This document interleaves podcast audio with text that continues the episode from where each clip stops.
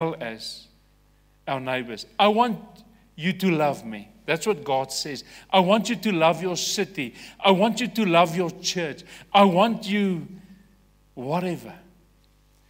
But the slothful person, they drag themselves towards everything they must do.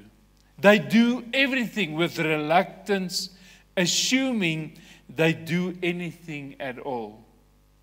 There is no joy for a slothful person in doing God's will.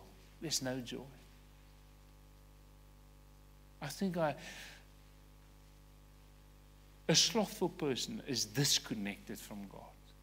Because if you're connected to God and His Spirit is in and through you, you're on the move.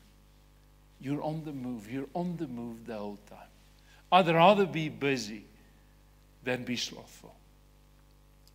Living a spiritual and living, uh, living a spiritual and loving life is a burden to this person.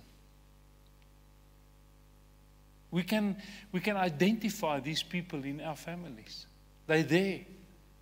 They're slothful. But, but it, it doesn't end there.